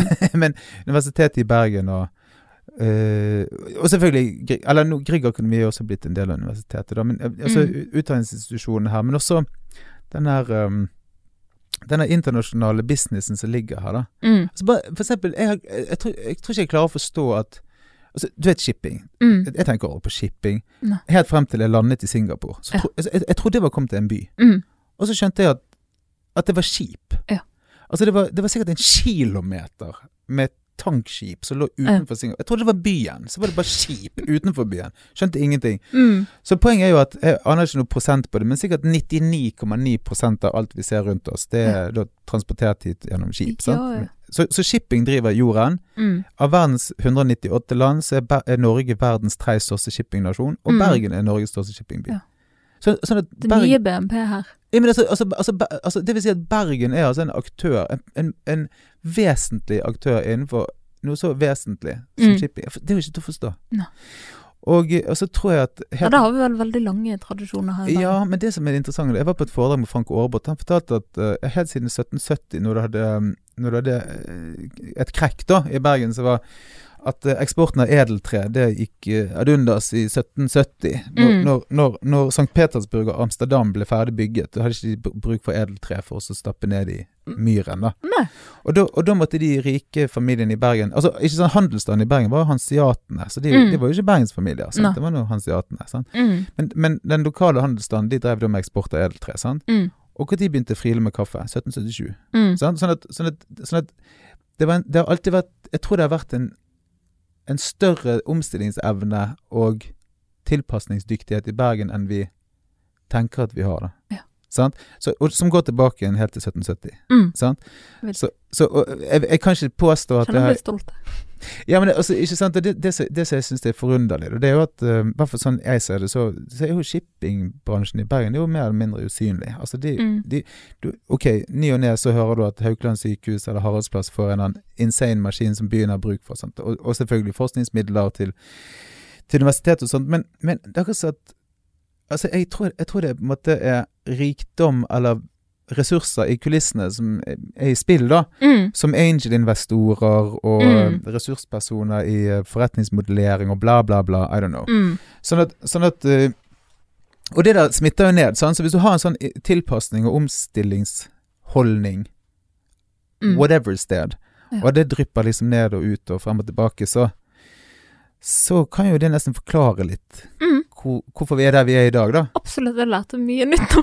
Ja, ok. Ja, Det var altså. mye kunnskap. Nei, men altså for eksempel, jeg må jo si, jeg skal ikke bruke mye energi på å- snakke om oppdrettsnæringen, men eh, Men for eksempel da uh, eh, Ti i Bergen, Mm. de omsetter altså for over en milliard, Mm. og de har 500 ansatte. Mm.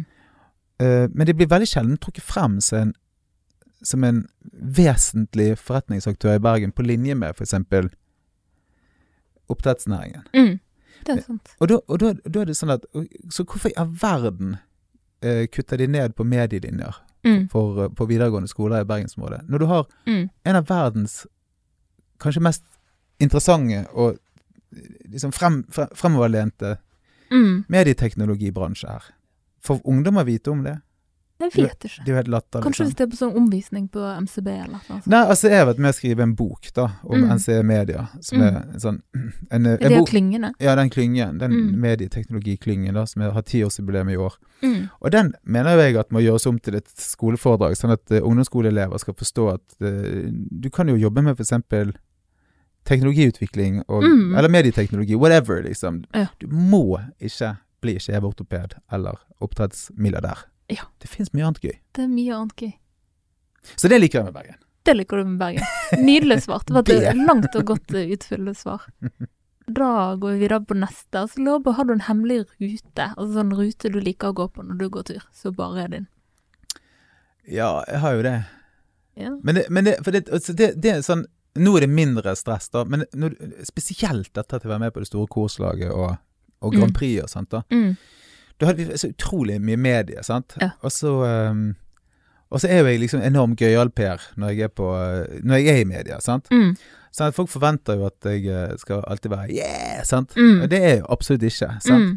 Så jeg liker jeg, jeg, jeg, går jo sånn lange turer Ja. mange ganger i uken, sant. Ja. Du gjør det, ja. I, i, i, liksom- i liksom, jeg sier byfjellene, men det er jo bare en fjellside og et fjell jeg går på. Mm. I nærheten av der jeg bor. Så, Mhm. og da har jeg funnet sånne ruter der jeg altså ikke treffer på noen. Mm. Ingen mennesker. Nei, veldig få mennesker. Så jeg har sånne, sånne snarveier opp gjennom fjellsiden der jeg har sett Mm. til dels litt sånn glemte snarveier. da. Så, Ja, så bare, Oppe mot Fløyen. Ja, ja, ja, ikke akkurat Fløyen, da, men gjerne til Skansemyren. Og så Mm. hvis, hvis det ikke er noen der, eller hvis det bare er gamle mennesker som Mm. løper, da løper jeg det. Løper Men da løper jeg lenge, da. Men med en gang det kommer sånne unge folk, spesielt irriterende, mm. med sånne kjærestepar Ja. som trener sammen. Det er så ufattelig, irriterende. Ja. Så ufattelig jeg, altså, jeg har vært gift med Kristin altså, i 16 år. Mm. Vi har aldri trent sammen. Nei. Ok, vi går tur sammen av og til, da. Mm. Men det verste jeg opplevde, og det kom komme til Skansemyren, og så er det et kjærestepar som holder på med en sånn intervalltrening. Det er den ene de som holder på å løpe, den andre til armhevninger og sånn. Mm. Og så har de med seg en, en høyttaler! og så spiller de sånn treningsstudiomusikk. Så det er bare lyst til å gå bort og spør om de er helt totalt hjerneskadet. Ja. Jeg klarer ikke å si sånn Kan du være så snill og skru ned den musikken? For det er så åpenbart at Ja. de ikke burde satt den på i utgangspunktet. det, det er ikke søtt i dine øyne. Nei, det er bare ufattelig irriterende, Ja. syns jeg. Hvis du skal ha en skikkelig digg middag en lørdagskveld, hvor går du da? Hvis du skal ut og spise, hvem er det? Nei, hvis du skal. Jeg er alene. det er du. Men jeg går jo aldri alene og spiser. Nei, da, da må du velge, et følge. Ja, um, jeg gleder meg sinnssykt til lysverket åpner opp igjen. Mm. Uh, det gjør jeg virkelig, altså. For dette er, så, det er bare så latterlig godt. Og det er så Jeg syns det er så Det er så trist at Kristoffer Først så får han denne fantastiske omtalen Mm. globalt gjennom Gordon Ramsay, som også bare sier Kristoffer er bare så fet. Han er Mm. så flink kokk at det er ikke til å tro. Eller, og hele teamet hans, da. Hvor Mm. fantastisk det. Og så stenger. Så stenger verden. Det er så forferdelig. Mm. Det er bad timing. Det er forferdelig. Og så, får han denne fantastiske um, kokkeliv Mm. på NRK. Ja. Det var fint Det var kjempefin. Mm. Er det stengt. Syns så synd, ja. Ja. Men altså, Kristoffer han klarer seg alltid, så dette går bra. Men det Mm. gleder jeg meg virkelig til å, å, å komme og spise for det alle sier, det at det har aldri vært så godt Ja. som det er nå. Eh, og så må jo jeg si at eh, jeg er jo superfan av barer, da. Ja. Sant? Og nå høres dette veldig fancy ut, men dette er jo vennene mine. sant? Mm. Sånn at For meg å gå og spise på de fancy stedene, det er jo, det er jo som å komme hjem til eh, Mm. bestemor, liksom. Det er jo så koselig. Mm. Men det er, altså, det, det er så verdt å, å, å, å, du, Altså, du skal ha spist på bare, helst med en gang. Mm. Og nå har det vært korona, så du har spart nok penger at du skal gå og spise på Lysverket og bare og overalt Mm. i byen. Men iallfall, det syns jeg, det synes jeg er så vilt fett. å- altså, eller Mm. bare sitte i baren på bar er jo fantastisk. Ja. Pizzaen på Hoggorm nå er det jo, Jeg har solgt min del av Lysverket, så jeg har lov å skryte av Lysverket. Mm. Så det, men Hoggorm eier jeg fremdeles. Ja. Så eh, der blir det kanskje litt feil. Men jeg, Mm. jeg må jo si at jeg går jo på Hoggorm og spiser hele tiden. Ja. Jeg blir ikke lei. Jeg syns det er fantastisk. Men uh, av andre steder, da Jeg er jo, jeg er jo superfan av, av uh, Kolonialen, da. Mm. Så jeg, jeg går kjempemasse på egentlig alle sjappene deres så ofte jeg kan. Mm. Både Matbarn og 44 og litteratur, også, eller Brasseriet, da, som det heter. Og Mm. Kran. Mm. Uh, men det er blitt mest et sånn lunsjsted for meg, da. Ja. Kan. Eller alle. Ja, ja, kanskje mest Litteraturhuset, da. Mm. Men uh, Kran når jeg kan, sant. Uh, men Men um, men, men ok, da. Matbaren det er sånn fredag ettermiddagssted. Litteraturhuset det er lunsj eller lørdag med noe vennepar. Mm. Og ja, Kran er jo lunsjsted. Mm. Um, ja, det, har, har, det har jo hendt at jeg har spist på kvelden også, da. Men uh, ja, det er mest en dagtid. Hmm, ja, det var kanskje Mm. dårlig reklame, da. Nei, men det er jo kjempe Altså, meg og Kristin, sist gang vi hadde date night, det var Ja. Kolonialen, så Ja. det er fantastisk. Kos. Men, eh, men jeg må si en ting, da. Og Mm. det er at uh, jeg personlig Mm. synes at det er to steder som har uh, best lunsj, da. Mm. Og det er selvf selvfølgelig Kolonialen. De har dag, Mm. åpent på dagtid. Det, det er fantastisk. Kokken er fantastisk, råvarene er fantastisk. Men Landmark, Mm. det er, det, det er ikke til å tro det er så godt. Mm. Altså Alltid når du kommer der, så bestiller et eller annet, whatever, og så er det bare helt totalt hjerneskadet. Ja. Amazing digg. Altså, Landmark, Ja. what the hell? Det Det er jo så fantastisk sted. Og sommeren med uteserveringen. Ja, ja, ja. ja. Men til og med nå, altså, Magisk. altså, altså Hvis ikke du har spist lunsjen på, på, nei, på Landmark, så må du bare komme dit med. Det er så godt. Mm. Hvor føler du aller mest hjemme i Bergen? Du velger ett sted. Liksom det Ja, hva skal vi si jeg, jeg, jeg elsker å sitte i baren på, på baren, da. må jeg Mm. Si. Altså De som jobber der, er jo kompiser av meg. Og Det er, det er sånn sted der Det er, et sånn- det er en sånn fantastisk blanding av fantasi og virkelighet. Mm. Det er så ufattelig fint der, sant. Og, så, og de har liksom fantastisk vin og dritgod øl, selvfølgelig, og fantastiske cocktails. og sånn. Men liksom hele viben det, det er akkurat så, det er en sånn rar blanding av Mm. forskjellige verdener. sant? For Raymond, som er barsjef der, han var jo på losjen før. Mm. Så han liksom, og det er jo noe helt annet igjen. sant? Mm. Så, så liksom utrolig koselig og utrolig stilig. Og, Nydelig. ja, og ufattelig godt, men utrolig lave skuldre. Mm. Så det trives jeg jo sinnssykt godt, da. Og så, jeg må si jeg trives jo supergodt på, på Hoggorm. Ja. Altså, jeg, altså det, da er jeg hjemme. På, Ja. Men da er jeg jo hjemme. Da er du hjemme. Ehm, nei, det er mange steder. Jeg, trives kjempegodt på Hem. Ja. Trives kjempegodt på Altså, steder som har Jeg er litt Jeg er litt eh, Jeg er litt ødelagt av å ha levd i utelivet så lenge. Jeg liker best å være på et sted der jeg kjenner de som jobber der. Mm. Er det noen bergensere du er veldig stolt av at er nettopp bergensere? Oi, Mm. oi, oi, oi. Oi, oi. Ja, det er jo selvfølgelig helt enormt mange. Men Mm. Skal jeg velge ut liksom noen? Ja. Eh, Altså, det er jo De der danskene tror jo at Holberg er fra Er fra fra Danmark, Danmark, da. ja. Ja, men det tror jeg eh, de på en måte har relativt godt belegg for å påstå så da, av liksom, utdannelse og dritlort. da. Mm. Men det er jo fantastisk at han er herfra, da. Mm. Eh, det er jo Jeg syns jo at det er veldig stas at vi har en sånn musikkhistorie som går så til de grader internasjonalt. sant? Mm. Tilbake inn til eh, Til eh, Edvard Grieg, da. Mm. Eh, men, eh, men den Ole Bull-historien er jo også helt crazy. sant? At han Mm. spilte konsert på Kyopspyramiden og var helt stormannsgal og kjøpte land i Patagonia. Eller skulle, Mm. skulle hete Patagonia. da. Mm. Eh, og så syns jeg, det er veldig, jeg det er veldig koselig at uh, Harald Sæverud At han um, At han var golddigger. Jeg synes det er veldig koselig at, uh, at det er åpenbart konen som var rik, sant? Det, veldig- det syns jeg er veldig fint. Det, det, men det synes jeg er veldig koselig. Jeg syns det er fint. Så liksom, uh, altså, altså uh, Du får liksom omvisning i det der uh, Harald Sæverud-huset. Sånn, så, Ja. Fremdeles det største eneboligen i Bergen med flest Ja. soverom og vannbåren varme. eh, Ja, Siljestølen. Ja. Men det er jo hennes familie sin rikdom, sant? Og det syns jeg er så koselig. Mm. Så- Nei, men eh, å, nå skulle jeg selvfølgelig ha sagt 1000 folk, da. Mm. Um, Bjørn Torske, en utrolig viktig elektronisk artist som både, både, både at han er kjempeflink, sant, men også på en måte de holdningene som ligger i hans musikk, er jeg utrolig glad i. da. Mm. For han er liksom Han er perfeksjonist på sin måte, men det stumper jo og går. sant? Mm. Så, og han er jo så internasjonalt anerkjent. sant? Ja. Det er mange sånne hemmelige blomster, og mange av de er jo tilflyttet. sant? Bjørn Ja. Torske er jo fra Tromsø, Han er det. R og Røyksopp er jo fra Tromsø. Mm. Sånn, Så tenker, men vi glemmer gjerne en annen fyr fra Tromsø som heter Espen Sommer Eide, som Mm. også er en fantastisk Mm. innflyttet artist. sant? Aha. Kjetil Møster er jo jeg så stolt av som en Ja. eh, far, selv om han er en kompis. Mm. altså, jeg, jeg er så stolt av Kjetil Møster. da. Ja. Alt som han har fått til, er så fantastisk. Jeg må jo si at uh, Altså, jeg elsker jo Dolk. Mm. Sant? Og jeg er veldig stolt av Dolk.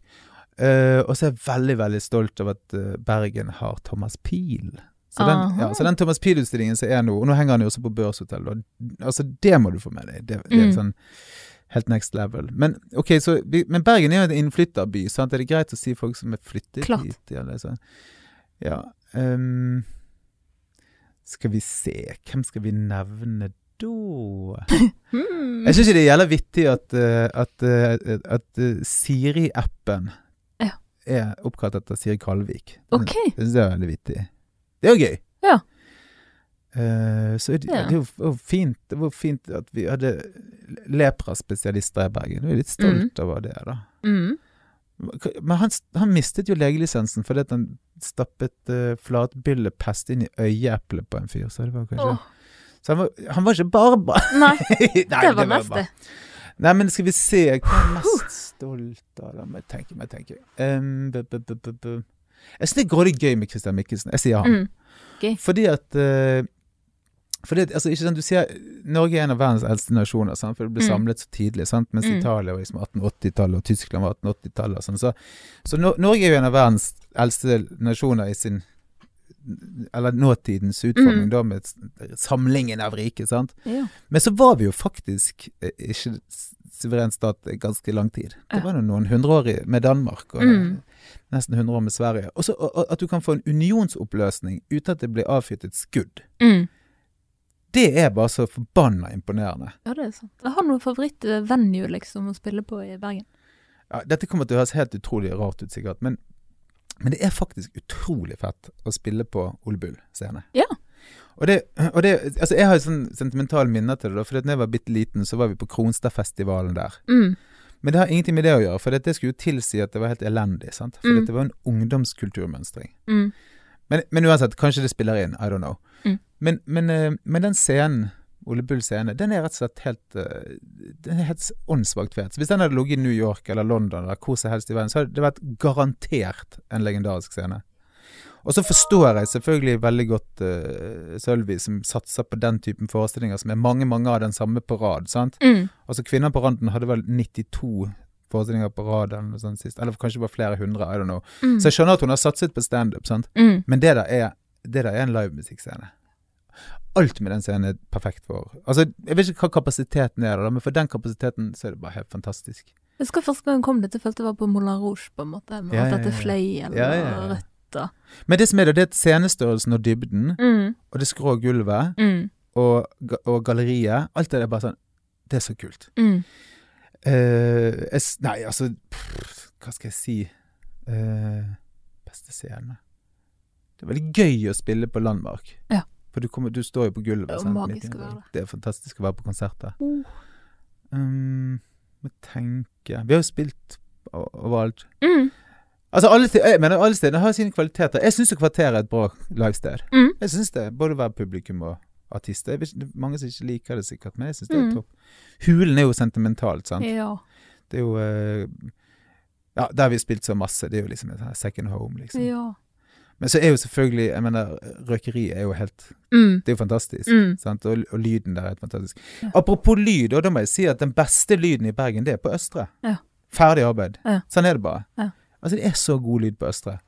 Det er helt sykt. Altså, det er som å være på showroom til en annen hifi-produsent. Mm. Altså, det er helt, syke lyder. Mm. Så alt har jo sitt. Eller alle har sitt. Alle har sitt. Er det noe du syns vi mangler her i byen? Ja, det er jo eh, Altså, jeg husker jeg var på Papirøen i Danmark, det der eh, street food-huset, vet du, sant. Og så, så var det alt mulig All slags mat fra all Mm. slags kulturer, liksom. Men den absolutt lengste køen, og da, da sto det Marrakech Ja. på steinen. sant. Mm. Så vi kunne godt hatt eh, enda litt bedre variert Mm. mattilbud her, tenker jeg. Ja. Så det, det, det, Matscenen mangler noe, på en måte. ja, altså jeg syns at uh, akkurat eh, der viser jo kanskje Bergen at det kunne vært en litt mer multikulturell by, da. Mm. Altså Kanskje han er litt mer multikulturell enn jeg vet, men jeg Mm. opplever det ikke som at han er spesielt multikulti, for å si det sånn. Mm. Nei, men, også, men, men for å si det sånn, der vet jeg at det er noen planer, da. Ja. Og eh, det er mange typer mattradisjoner som er helt insane. Ja. Så du ikke trenger den fancy, skalerbar, bla, bla, bla forretningsmodell. Som bare kler å være i en bitte liten sjappe, sant. Ja. Uh, men en bitte liten sjappe i sentrum er jævlig dyr. Det er Mm. dritdyrt. Et uh, relativt sentralt lokale. Det er kjempedyrt. Mm. Eh, så, ja, så det, men da vet jeg at um, det liksom ligger noen planer der at det kanskje kommer noe mer gøy til byen. Ja. Var dette et hint? Hæ? Nei, nei, ikke fra meg. nei, nei, men, nei, altså det er noen prosjekter som Ja, er i emning, ja, så du vet om. Ja. Ja, så, så, eh, så det syns jeg var gøy. Og så syns Jo, vet du hva jeg savner? Nei. Som jeg syns er utrolig rart. Så utrolig merkelig. Mm. Det at uh, det skjer så lite gøy på havoverflaten. ja. Så liksom Jeg tror de fleste bergensere ganske fint klarer seg mange år i Ja. Bergen uten å noensinne bevege seg ut på det våte. Mm. Det er så lite gøy som skjer med båt. Bonja. Det ser, skjer, altså, du hører liksom om ulovlige rave-partybåter. Ja. Men det må skje mer sånt gøyt ut på Ja, vi mangler litt sånne Oslo har jo litt sånne lekteren og litt sånn. Ja, mer av sånt. Mm. Altså, mer, altså for eksempel når de åpnet det nye badestedet inn, innerst i, i Møllendal. Mm. Tusenvis av folk der hver dag det er fint vær. Det er så Mm. kult. Folk elsker jo det. Mm. Så liksom um, Mer sånn Jeg jobber jo i det bygget som sitter og ser ut om sommeren. På alle som koser seg utenfor Ja, ja, ja, badestrand. ja, ja, ja, ja, ja, det kan ikke være lett. Fryktelig. Nei. Ja, nei, men så, sånn som du ser liksom Akkurat det, det liv og røre som var der. sånn. Så heldigvis hadde jo heldigvis Møllendal Fetevare åpnet før Mm. badeplassen kom. Så. Ja. Det er ikke så mye der nede. Nei. Det må komme mer Når du bader, så vil jo du ha litt mat og kanskje drikke. Mm. Kanskje du kom, kunne kommet til en utendørs bar der. Hvem vet. Nei, men så mer sånn Jeg syns ikke det at jeg er ikke noe sånn opptatt av liksom kystkultur, Mm. men jeg er opptatt av kyst. Ja. Så eh, det jeg syns det er litt dumt at liksom kystkultur liksom Akkurat som det Folk opplever det som et eller annet ensidig som ikke de nødvendigvis Mm. passer inn i, da. Men det er jo det våte element. Vi må Mer ting på havets Mer- overflate. Ja, mer båt og mer sjø. og- Hva skal det være? Det Hva kan jo du. Det er kreative Ja, nei, altså Jeg vet at det er noen som har kjøpt en båt nå som kommer til å bli en uh, ekstremt sånn aktiv um, uh, showbåt, eller konsertbåt. Ja. En venue med kapasitet på 350 eller noe sånt. Gøy. Ja da. Men Det så, er gøy. ja, så Men liksom, jeg har lyst til å bruke uh, Ja. Det, det er så fint rundt Bergen. Så vi, liksom, vi, vi, får lettere tilgjengelig. Mm. Byfjellene er veldig lett tilgjengelig. Mm. Men jeg har ikke båt. Nei. Jeg kjenner ingen som har båt. Nei. Så jeg har aldri båt. Nei. Jeg vil være i båt! Kom oss ut på båt. Hvordan kommer jeg i båt? Det er ingen båt. Ingen båt. Så hva gjør vi? Det fikser vi. Noen er nødt Nå til nå å har du catret litt til målgruppen. Altså, hør da, det er fuckings embarrassing. Det er jo patetisk. Shipping Bergen. Shipping. Shippingbagen, my ass. mm. Det er jo ikke noe ship... Det er jo ikke noe båt... båtliv. Det er det- det seilbåtene og dritlort. Altså, ok, greit. Mm. Hva skal du bruke det i Bergen? Altså, jeg mener sentrumsnær bruk av hav. Ja. Jeg møtte på eh, Håkon Oppdal, så han hadde spørsmål til deg. Han lurte på hvor mange ganger har Brann vunnet serien? Uh, jeg, jeg, jeg aner ikke. Så hvis jeg skulle tippet, så er det jo eh, relativt få, da. Nei, det Mhm. kan det ikke være. De Altså, jeg husker Jeg husker jeg var endte opp på um, en øy i Hellas utenfor sesong, og så traff jeg på en gammel gubbe. Så fikk de med seg at jeg var fra Bergen, og da sa han automatisk 'Brann'! Mm. Så Brann er jo det er så de er verdenskjent. ja, verdenskjent, og så er det veldig kjent den der sinnssyke passion som Ja. er i Bergen for Brann. da. Det er jo imponerende eh, Mm. at så mange engasjerer seg så mye i en så liten by. Mm. Og jeg er også sikker på at du kunne spurt den der lavkonjunkturer i BPM-en her, eh, ikke BPM-en, i bruttonasjonalproduktet lokalt, Mm. um, etter dårlig eller god sesong. sant? Ja. Men, så, så, men jeg, klarer, jeg, vet, altså, jeg tror at den passionen ligger der uansett. Jeg, jeg, tror den passionen hadde vært uavhengig av om vi hadde liksom vært uh, Once we were kings. Mm. Så jeg vet ikke. Var vi kings Hvor mye kings var vi da? Hvor ofte har vi vunnet? Hvor, Vi har vunnet tre. det, jeg skulle til å si Ja. tre! Jeg visste ikke det heller. Nei, så det er sikkert noen som har Så sagt jeg måtte spørre han. Det er sikkert noen som har sagt Jeg holdt på å si tre. Ja. Det er jo ikke sånn kjempemange. Nei, det, det er lite, det. Det er så lite. Mm. Men, det, men det, det er det der jeg sier. Altså, det Mm. jeg liker veldig godt med Bergen, det er at vi har rom for middelmådighet. Og det, det skal vi holde fast ved. Det, det, det er jeg helt enig. Herregud. Det sa du i en annen podd òg. Jeg det, ja. Du hadde et veldig fint parti på akkurat det med helt det veldig... OK å være middelmådig. ja men jeg, jeg mener det seriøst. Mm. Helt seriøst. Altså Hvis du er for eksempel utrolig flink til et eller annet, og så er du eh, overpresterer du også på å være slem, Mm. så er jo ikke det så bra. Nei. Men hvis du er litt god til noen ting, og så er du middelmådig slem, sånn at du bare er Mm. litt slem, Ja. for eksempel, det er jo bra. Ja, mener du det er noen sammenheng mellom talent og Ja, det, ja, det tror jeg kanskje at det Ja. det. Nei, det vet jeg ikke. Nei. Men, eh, men eh, sånn som han eh, fotografen på innsiden av gaten, han spilte jo på Brann, da. Så han Mm. fortalte litt om den tiden da. Jeg, det er lett å forstå liksom det presset det å spille på Brann. Mm. Det er så utrolig viktig del av, Ja. av byen vår, sant. Ja, Det føles sikkert som du skuffer moren din hver gang sant? du ikke ja, ja, ja, ja, ja. leverer. Det, er, det er ganske intenst å være på stadion, altså. Ja. Vi har heldigvis spilt der, da. Ja. Spilt en konsert der en gang. Ja. Og, og to gøy. ganger i pause har vi hatt pauseinnslag. Nei da, men Brann, ja. Ok, tre ganger. Ja, men det er jo Ja, det er jo mer enn ingenting. Det er mer enn ingenting. Herregud. Nydelig svar på den lille bergensspesialen. Var det gøy? Veldig gøy. Ja, fikk du litt sånn den bergensfølelsen? Ja, altså Bergen kan jeg snakke om i årevis, da. Eller Mm. timevis. Ja, det var det som var mitt inntrykk, at du liksom har lidenskap eh, for byen, da. Ja, virkelig. Ja. Jeg, jeg, apropos Brann, da. Det, det er jo ikke helt tilfeldig at Datork er rød. Nei. Og det er en sammenheng. Badabam! Det er det. ja, altså det føltes jo veldig naturlig, da. Mm. Det er jo en Ja, hvis hjertet står i brann, så er det jo eh, rødt vi skal være her i byen. Ja. Nei, altså Det føltes jo veldig riktig. Så jeg hadde sånn dårlig samvittighet da, fordi at vi tidligvis har svarte drakter, for da sier jo folk RBK, sant. Og Mm. blir sur. Men da til gjengjeld så blir jo de glad i Trondheim, da. Du nevnte litt dette om prosjektledelse, sant? og du styrer på med veldig mye forskjellig, og du er i solokarriere nå, og du driver restaurant, og det er liksom det er så mye forskjellig. Og de fleste vil jo da lure på liksom, hvordan sjonglerer du alt, og hvordan får du tid til alt? Ja, det er, for Altså, hvordan funker det da? Ja, nei, det er vanskelig å si. Men, men jeg, jeg har for eksempel aldri forstått hvorfor folk vil ha 100 %-stillinger. Jeg- forstår det rett og slett ikke. Altså, forstår, hvis det er én ting du er interessert i og har lyst til å gjøre, så forstår jeg at du har lyst til å jobbe 100 Mm. men, jeg kan ikke forstå at det er mulig, da. Å være så jævlig ensporet at det er én ting du har lyst til å jobbe 100 i. Og, og, og jeg er sikker på at de samme folkene er veldig flinke til å føre uh, overtid og avspasere og alt det, da, sånn at de Mm. nøyaktig 37,5 timer i uken. Mm. Altså, jeg vet, jeg vet ikke forskjellen på mandag og søndag, liksom. Det er, alle dagene er helt like. Mm. Liksom. Altså, jeg har barn og kone, og hun er jo da heldigvis jurist. På, ja, nå jobber hun på Haukeland eh, sykehus, da. Mm. Forskningsavdelingen som, som jurist, da. Så hun er, hun er, hun er veldig ordentlig, og eh, hun må hjelpe meg å huske liksom normale ting, da. Sånn som at Ja. Det er søt- 17. mai om en Ja. uke. Så hun er den strukturerte, liksom, av dere to? Ja, eller sånn at du må kjøpe ny dress fordi den passer ikke lenger. Så, altså, Ja. hun er den ordentlige av oss, Mm. passer på. Mm. Uh, så hjelper jo litt av det. Så jeg, overdriver når jeg sier at mandagen er lik som søndag. Det er den selvfølgelig ikke. Mm. Men for meg så er det jo sånn at jeg holder på hele, hele tiden. Ja. Liksom. Men iallfall så for eksempel i det designbyrået som jobber, så har jeg en begrenset stilling. Mm. Sant? Og det samme når jeg holdt på med lysverket, så hadde jeg en begrenset stilling. Sant? Mm. Og, og, sånt, og så, så måten jeg sjonglerer, er at jeg har jo jeg har jo jeg har alltid prøvd å ha en så liten stilling at jeg alltid kan heller overprestere litt. Grann, da. Mm. Sånn at jeg kan være en jævla rotete person. Sant? Ja.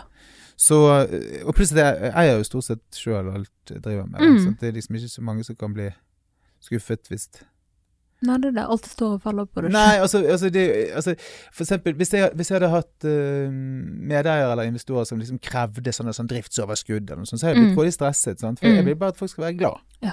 Så jeg vil heller bare gi eh, folk eh, skikkelig lønn Mm. istedenfor. At de Ja. skal sørge for at eierne skal ha sånne, sånn driftsoverskudd. Sånn. Ja. Jeg syns jo det er hyggelig med Mm. driftsoverskudd, Mm. men eh, så jeg kan, liksom, kan tillate meg å være litt sånn rotete person. da. Mm. Det hadde jeg ikke gjort hvis jeg hadde vært kirurg. Nei. Det hadde vært dumt. Nei. Men jeg har liksom lagt opp et løp der jeg kan være litt sånn rotete. Ja, men det er det er så imponerende, for jeg tror egentlig at det er det de fleste vil med så det der med sikkerhet, sant, at man kanskje føler seg sikrere enn 100 Ja, Litt men, så ordnet form, da. eh, ja, ja, ja, ja. Men altså, det kan jeg bare si. Altså, jeg har ikke spesielt god økonomi, men det driter jeg i. Mm. Men jeg er jo heldig, da, for jeg har jo Vi har jo heldigvis to inntekter i familien, sant. Mm. Sånn at, så jeg kan eksempel eh, Jeg får jo måtte lov hjemme da, til å ha en periode som ikke er spesielt innbringende, sant. Mm. For det går helt fint, på en Ja. måte. Uh, men vi har ikke noe spesielt dyr livsstil heller, da. Mm. si. Altså, vi bor på Kalfar, men vi bor i et hus med to andre familier. Sant? Mm.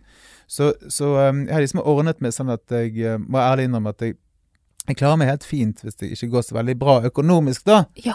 Så jeg tror hemmeligheten er at hvis du liksom får noe til, så bør du helst ikke legge det til dyrere vaner enn du har råd til, med å Mm. fortsette å gjøre det som du egentlig har lyst til. Ja. Sant? Så, uh, så det, det mener jeg helt seriøst. For eksempel når jeg begynte å tjene penger med datarock, da, så bare begynte jeg å betale ned lån. Smart. Og så fortsetter jeg å gå i Vans-sko med hull i, liksom. Mm. Så jeg har ganske lite lån, da, for Ja. Det er jo fantastisk. Så det, jo, det må jeg si. Ja, Det er jo et Nå veldig godt følte vi egentlig kom til kjernen i det hele her. Ja, men jeg husker jeg tror det så barnslige ting som jeg husker fra jeg var liten. Og det var den Mm. setningen fra Oliver Twist, han er onkel eller i gjeldsfengsel. Så sier han du må huske at det er veldig stor forskjell på 50 øre i pluss og 50 øre i minus. Ja. Sant? Ferdig arbeid. Så enkelt er det jo. Og Mm. denne nasjonen er altså mer belånt nå Ja. enn rett før det verste jappecracket i 89. Ja. Sant? Men vi lager jo også dyre vaner, mange. Ja, men altså, unnskyld meg, altså, må du ha to biler og hytte og båt? Mm. Og må du i tillegg kjøpe en, sånn der, en bolig som du later som at uh, datteren din skal flytte inn og skal begynne å studere, men egentlig så har du bare in, et investeringsobjekt Mm. som skal øke 10 i verdi i året. Bla, bla. Mm. Du blir jo stresset. Ja. Du blir stresset. Og så på grunn av det, så fortsetter du å kjøpe helt jævlig dårlig vin. Kanskje bare drit i det, så kjøper du litt bedre vin istedenfor. Men ikke nødvendigvis mange flasker. Kjøp noe godt og kos deg. Men folk er jo ikke så lykkelige. Og jeg tror det er derfor sånn, så trenger de andre ting. Penger? Ja. Nei, nei, ting som man kan kjøpe for penger. ja. Altså, de, de prøver å kjøpe seg lykke. Ja. Nei, altså, jeg er helt super overfladisk. Altså, jeg jeg, jeg, jeg syns jo det er gøy med fine ting og alt sånt. Mm. Så jeg, jeg, er ikke noe bedre enn noen. Nei, du virker jo litt sånn livsnyter. Ja, ja, noe så jævlig også. Ja.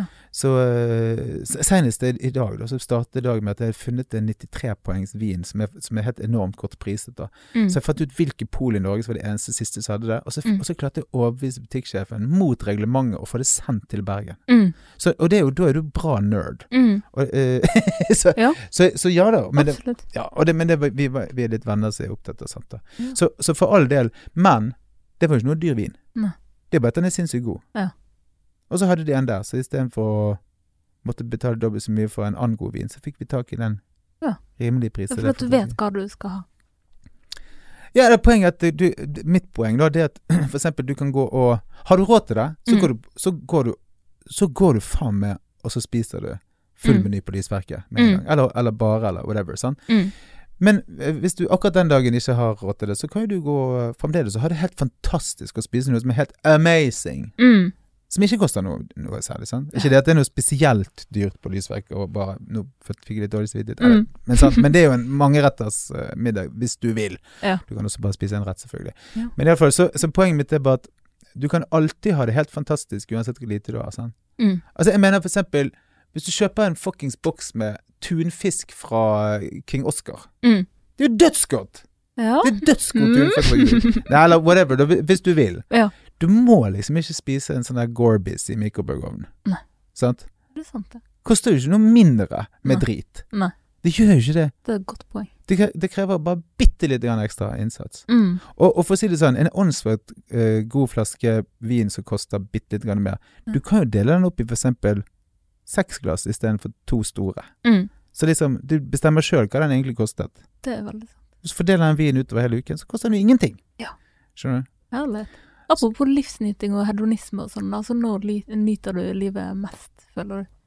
Nei, det er Det er når jeg sitter og spiser og drikker noe godt med hyggelige folk. Så, så enkelt er det. Tenkte meg det. Gøy.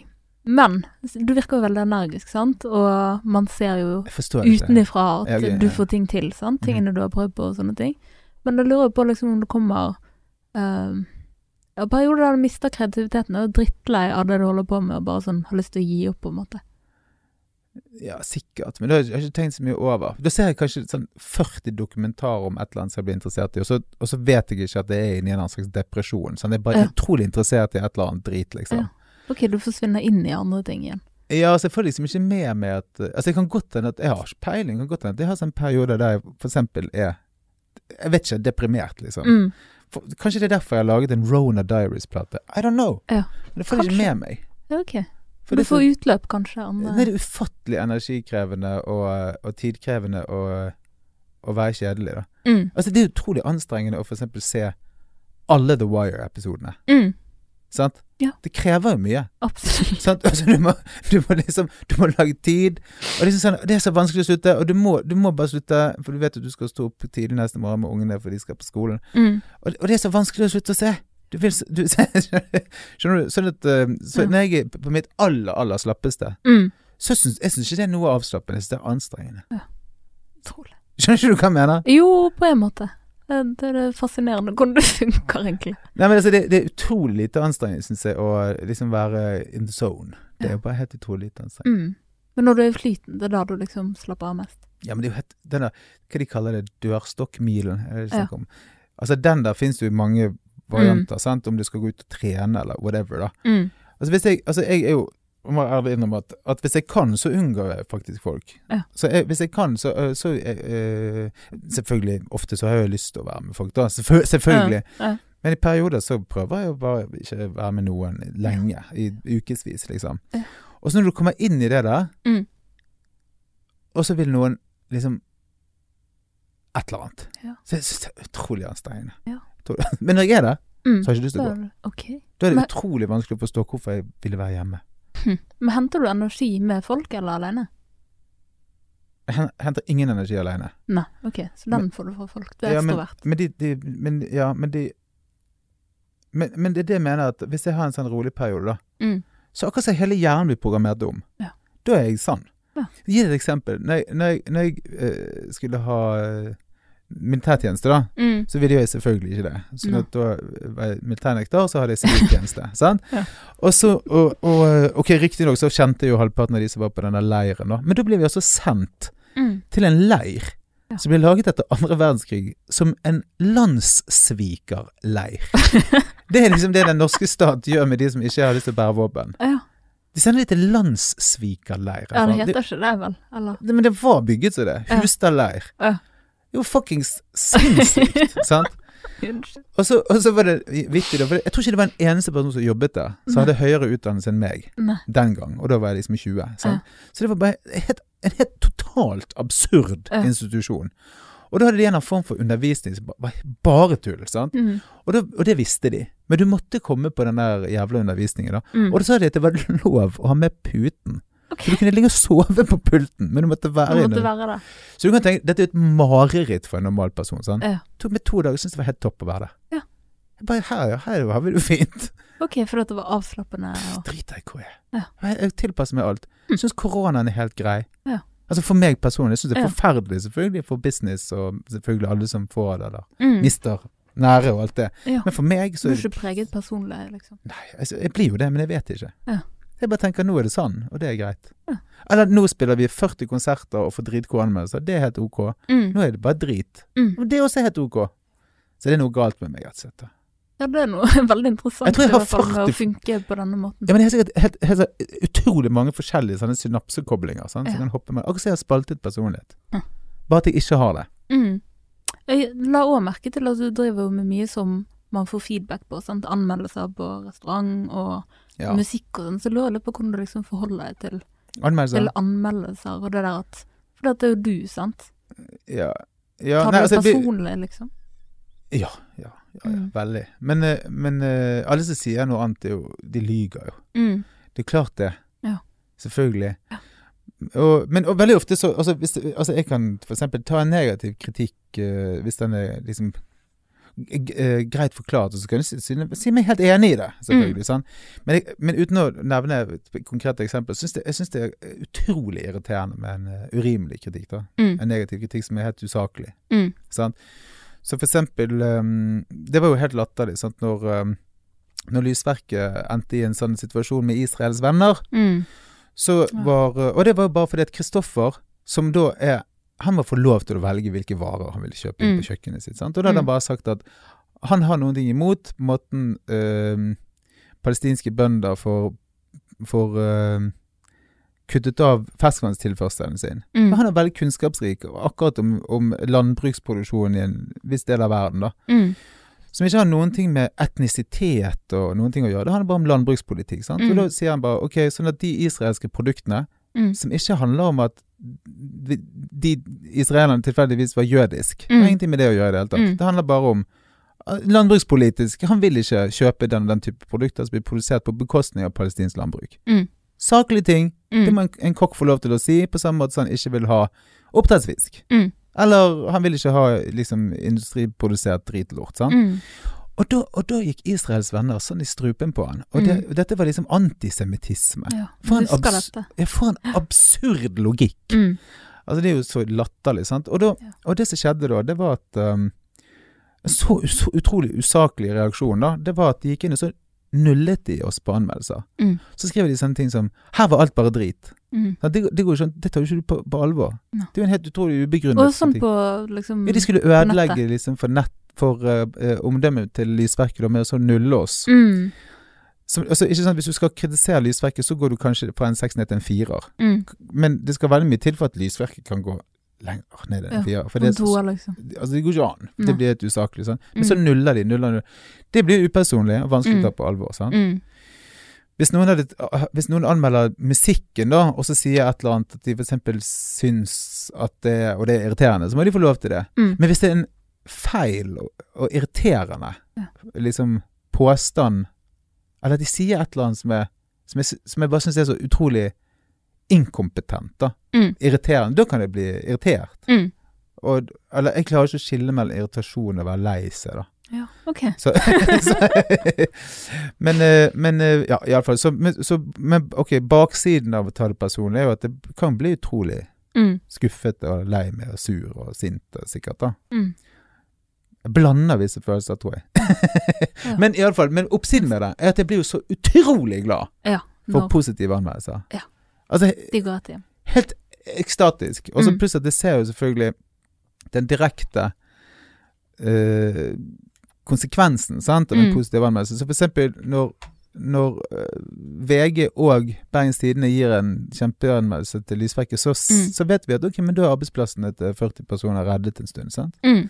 Absolutt. Så det er jo rent logisk også, da. Og det samme med, med, med datorok, det er jo musikk, sant. Men det er jo sånn arbeidsplass og en inntekt for folk, sant. Ja. Så for meg så er det sånn, det er ikke, det er ikke at å, nå ble mine følelser så dullet med. Mm. Det er jo også ok, men nå vet jeg at Det går Da- bra med da kan vi sysselsette og, og lønne folk, sant. Da. Fantastisk. Sånn at, så for meg så er det alltid en direkte Link der. link der, da. Mm. Så god anmeldelse korrelerer med grei omsetning. Ikke for å skape et overskudd, men for å holde hjulene i gang. Så. Fantastisk. Det var fint forklart. Nå ser jeg at eh, tiden begynner å renne ut, men jeg vil bare si tusen takk for at du ville komme, Fredrik. Jeg beklager alt du har fått vite i dag. Nei, bare gøy. Og tusen hjertelig takk til du som hørte på. Skal du høre mer Drømmefanger, så kan du sjekke oss ut på Facebook, iTunes og Spotify. Tullu!